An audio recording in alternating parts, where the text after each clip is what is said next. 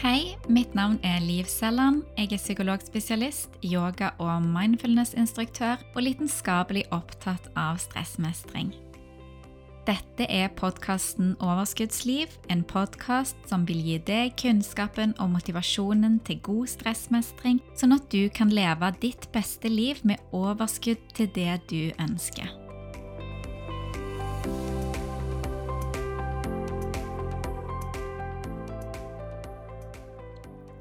Og velkommen til en ny episode av podkasten Overskuddsliv.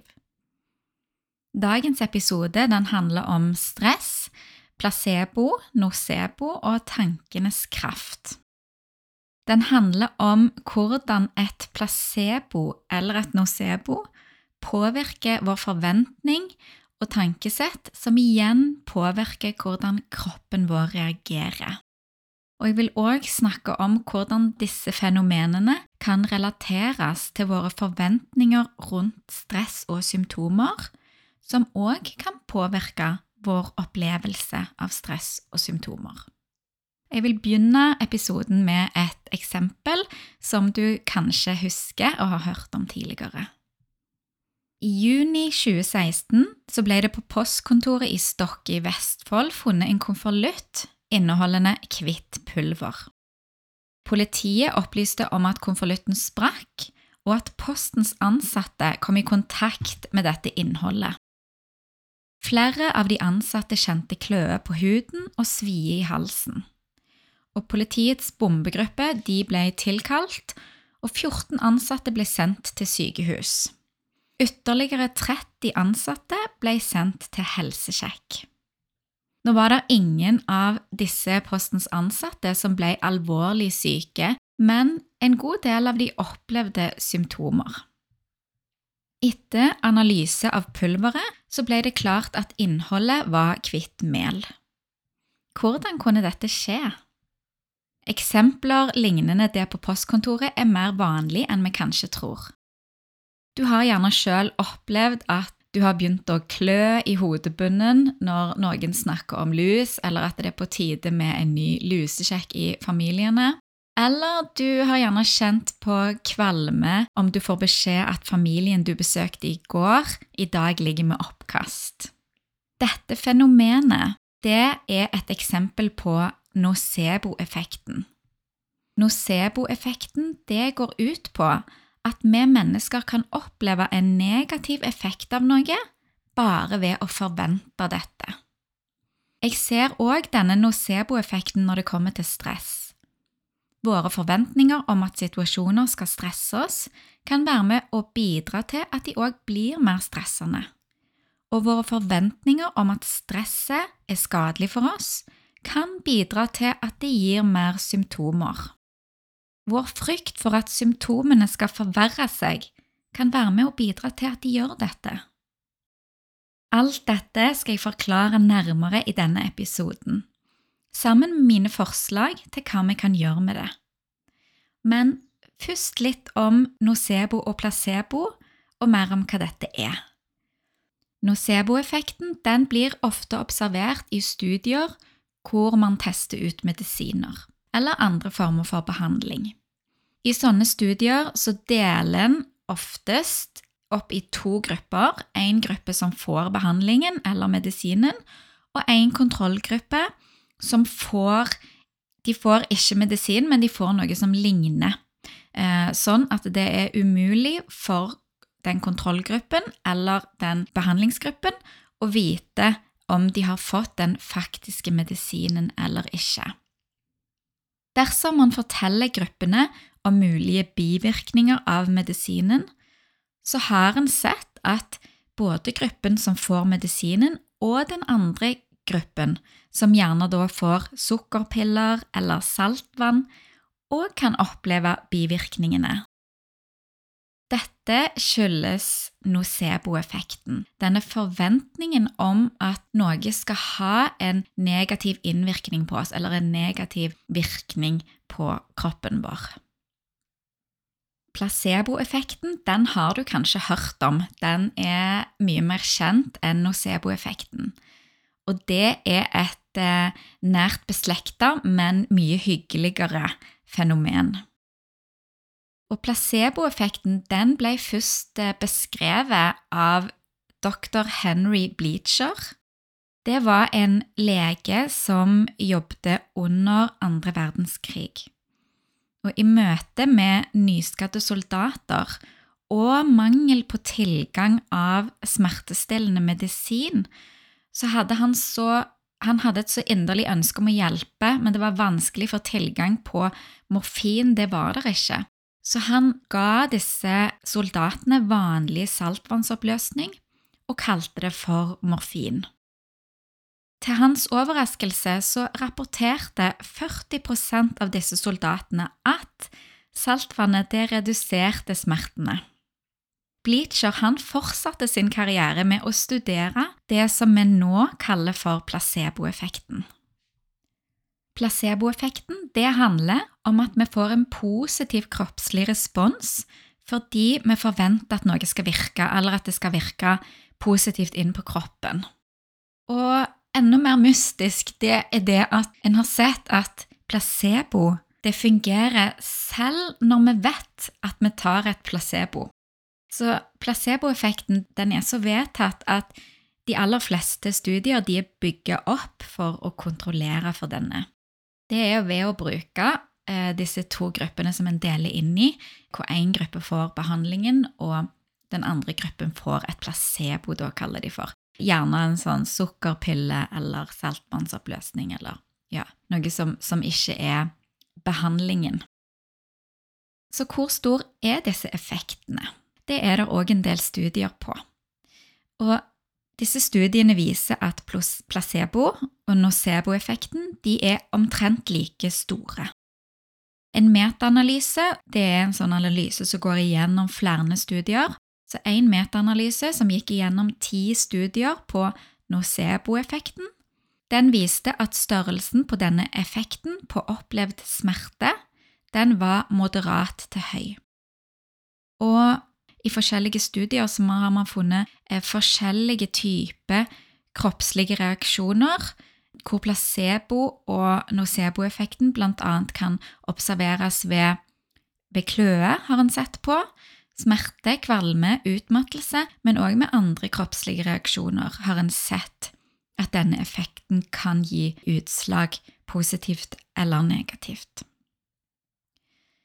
Og en av tilstandene hvor man i mange tiår har observert at placeboeffekten er stor, det er ved Parkinsons sykdom. Og dette er fordi placebo har potensial til å frigjøre dopamin, det er en, et signalstoff i hjernen, og dette her er redusert ved Parkinsons sykdom. Så dermed så er det sånn at placeboeffekten kan være større for denne pasientgruppen.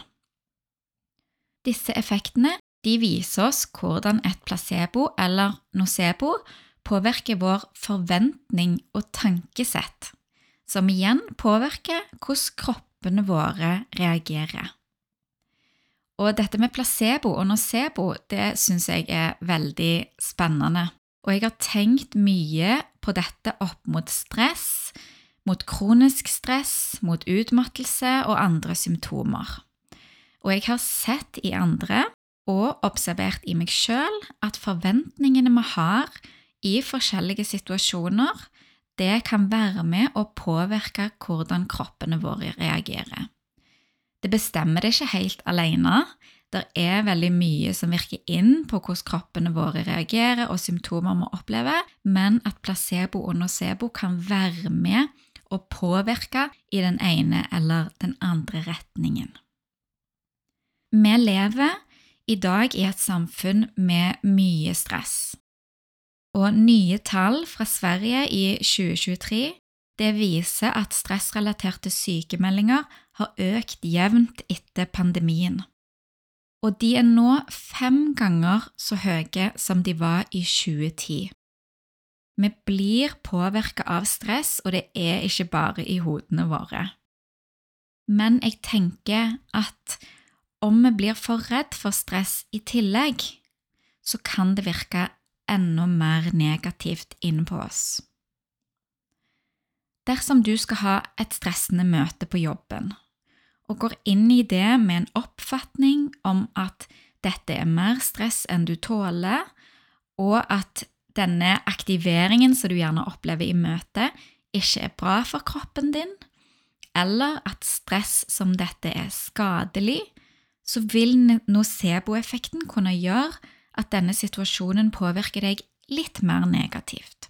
Du vil kanskje få mer symptomer i møtet, eller bli mer sliten etterpå. Eller på andre måter føle deg mer prega av denne situasjonen. Så hva kan vi gjøre da for å minske nocebo-effekten i akkurat disse tilfellene? En av de tingene som jeg tenker kan være med å øke nocebo-effekten i dagens samfunn, det er dette fokuset vi ser en del plasser, at stress er bare negativt. At stress nesten blir et sånn skjellsord, eh, at stress er skadelig. Og det kan jo være med å gjøre oss mer redde. Så det er viktig å vite og huske på at kortvarig stress, det er ikke farlig. Ikke i det hele tatt. Det er det kroniske, langvarige stresset som gjør oss syke. Det stresset som varer og varer uten at vi får pauser og avbrekk. Det er ikke de situasjonene med høyt stress som gjør oss syke dersom vi får hente oss godt inn imellom de. Og stress, det er helt nødvendig for at vi skal trives, og vi er tålt for å lage dette akutte, kortvarige stresset veldig godt. Og noe stress er faktisk nødvendig òg for at vi skal være friske, for at vi skal utvikle oss, og for at vi skal kjenne på mestring. Mange studier har til og med vist at korte perioder med høyt stress når vi er friske fra før, det kan være bra for oss. For eksempel intensiv trening, kuldeeksponering, faste eller å utfordre oss til noe vi er redd for, det kan være med å øke vår motstandsdyktighet til fremtidig stress. Men det er viktig å vite at å presse seg er ikke noe vi skal gjøre når vi er utbrent, men det er fint for å forebygge stressrelaterte plager. Dersom vi gjør det i korte intervaller med godt med hvile imellom, sånn at vi får restituert helt i etterkant. Det kan òg være at dette her kan bli en nyttig strategi å bygge seg opp igjen når en begynner å komme skikkelig på plass igjen etter utbrenthet. Men når en har mye stressrelaterte symptomer, det er ikke da en skal presse seg. Men allikevel, selv når vi er syke av stress, så tåler de fleste av oss en del stress. Selv om denne mengden er individuelt, alt etter hvor vi er, og hvordan tilstanden vi er i, og formen vår er. Men så lenge vi er kloke og balanserer det med hyppig hvile og mye nedetid, og når vi er syke av stress, trenger vi enda, enda mer av dette, så er det noe vi tåler. Og her tenker jeg at for noen så vil det faktisk, det med en ti minutters rusletur vil kunne defineres som stress dersom en er helt utmatta fra før. Intensiteten må tilpasses. I en annen situasjon hvor dette med nocebo er viktig å vite om, det er når en har blitt eller har vært syk av stress eller opplevd andre symptomer som en kanskje har begynt å frykte at skal komme tilbake eller blusse opp.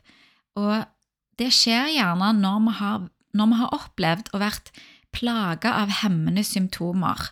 Så kan det ha vært så belastende for oss at det kan skape en del bevisst eller ubevisst frykt for at disse symptomene skal komme tilbake eller forverre seg. Og dette her er ikke uvanlig, jeg ser det ofte, og jeg kan sjøl òg oppleve det, for jeg har òg opplevd sykdom av langvarig stress. Og når vi frykter at symptomene skal returnere, eller at vi frykter at stress og belastninger skal gjøre at symptomene blusser opp, da kan denne nocebo-effekten slå inn og gjøre oss dårligere enn vi hadde blitt om vi hadde hatt en nøytral eller en positiv forventning til, til formen vår den dagen, for eksempel. Om du kjenner at du er en som har opplevd at du kan begynne å bekymre deg over hva negative påvirkninger en situasjon eller stress kan ha på kroppen din, så kan du jobbe med tankene dine i disse situasjonene. Og om det er en situasjon du skal inn i uansett, så har du alt å vinne ved å minne deg på at du tåler mye stress. Det er ikke skadelig om du får roe deg godt ned i forkant, og kanskje òg lade før. Dette er altså ikke det samme som at du skal ignorere symptomer og presse deg blindt. For det er heller ikke lurt. Det er ikke lurt i det hele tatt. Noen ganger så er det rett å avlyse planer, så vi må være fornuftige òg. Vi kan ikke tenke oss til å bli supermennesker. Jeg har lyst å gi et eksempel fra mitt eget liv, som faktisk ble inspirasjonen min til denne episoden og dette temaet. Dette var i går, og da skulle jeg møte en god venninne som bor et stykke unna, så vi ser ikke hverandre så veldig ofte. Og de siste ukene så har jeg vært forkjøla, jeg har blitt bedre, men kroppen liksom har tatt litt tid på å hente seg inn igjen. Og den er ikke like sterk som den pleier, den har vært litt ute av balanse. Og når jeg er i sånne situasjoner som det, så kan jeg begynne å bekymre meg for symptomer. Jeg kjenner meg sjøl så godt at jeg legger merke til det, at jeg, at jeg kan begynne å bli litt redd for at det skal bli verre. Og dette er fordi jeg har hatt mange år tidligere med svært høyt stress, mye symptomer, og jeg har òg opplevd å bli alvorlig syk av det. Så symptomer for meg, det kan òg bety bekymring og frykt.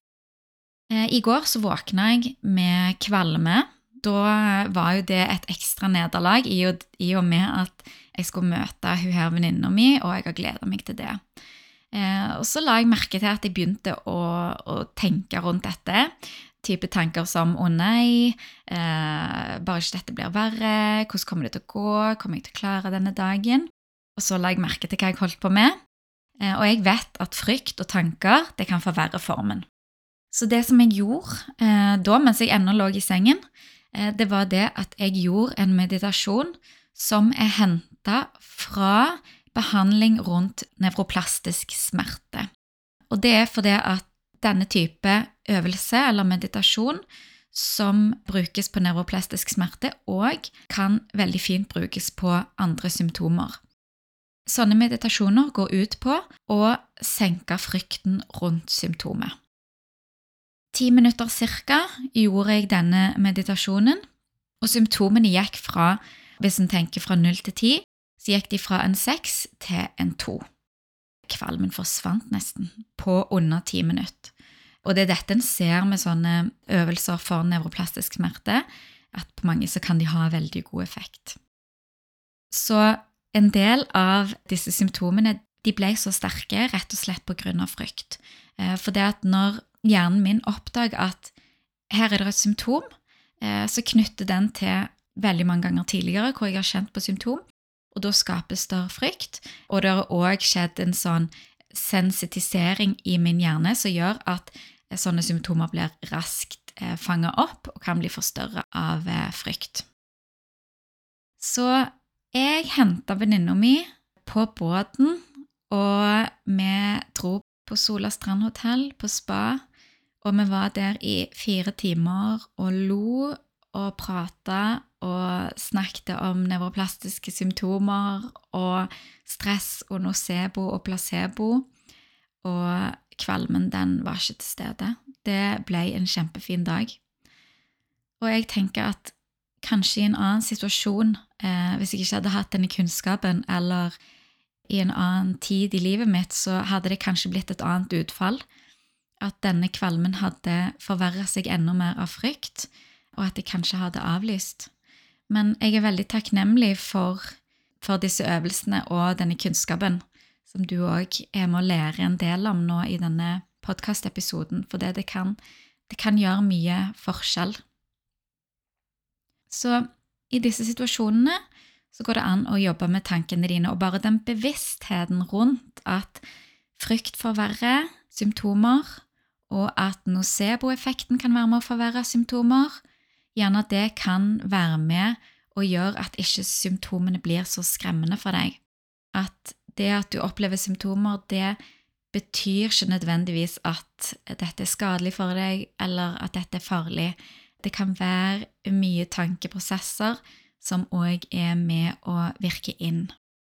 Og om du syns det er vanskelig å jobbe med egne tanker i disse tilfellene, så kan du bruke meditasjon, spesielt designa på å påvirke tanker og holdninger til symptomer positivt.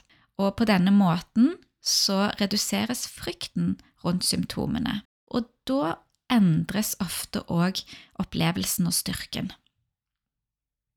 Mange opplever at sånne meditasjoner som dette er svært nyttige, og det er særlig vist ved smerte, men det er òg brukt ved mange andre former for symptomer, og òg på angstsymptomer.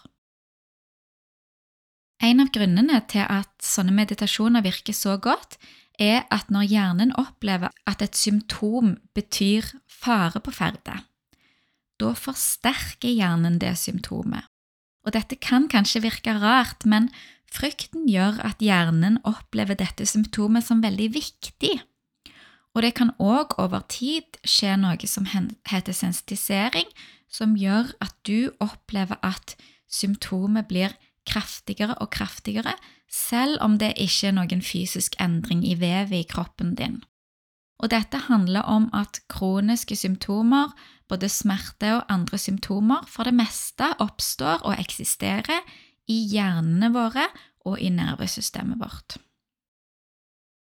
Sammen med denne episoden så legger jeg ut meditasjonen som jeg gjorde før jeg skulle treffe venninna mi. Denne har jeg kalt for Håndtere symptomer som skremmer deg. I Stressportalen så finner du òg andre nevroplastiske øvelser for smerte, utmattelse og angst, samt en øvelse for å møte generelt symptomtrykk. I Stressportalen så finner du over 40 lydspor med meditasjoner og øvelser for å roe nervesystemet. Du finner òg alle episodene av denne podkasten som utgis ukentlig. Du finner medisinsk yoga, artikler og verktøy. Lurer du på om Stressportalen kan være noe for deg, så gå inn på stressportalen.no og aktiver din syv dagers gratis og uforpliktende prøveperiode. Jeg håper at dagens episode var nyttig for deg, og at du òg syns at dette temaet er like spennende som meg. Det kommer garantert mer rundt dette siden. Vi høres!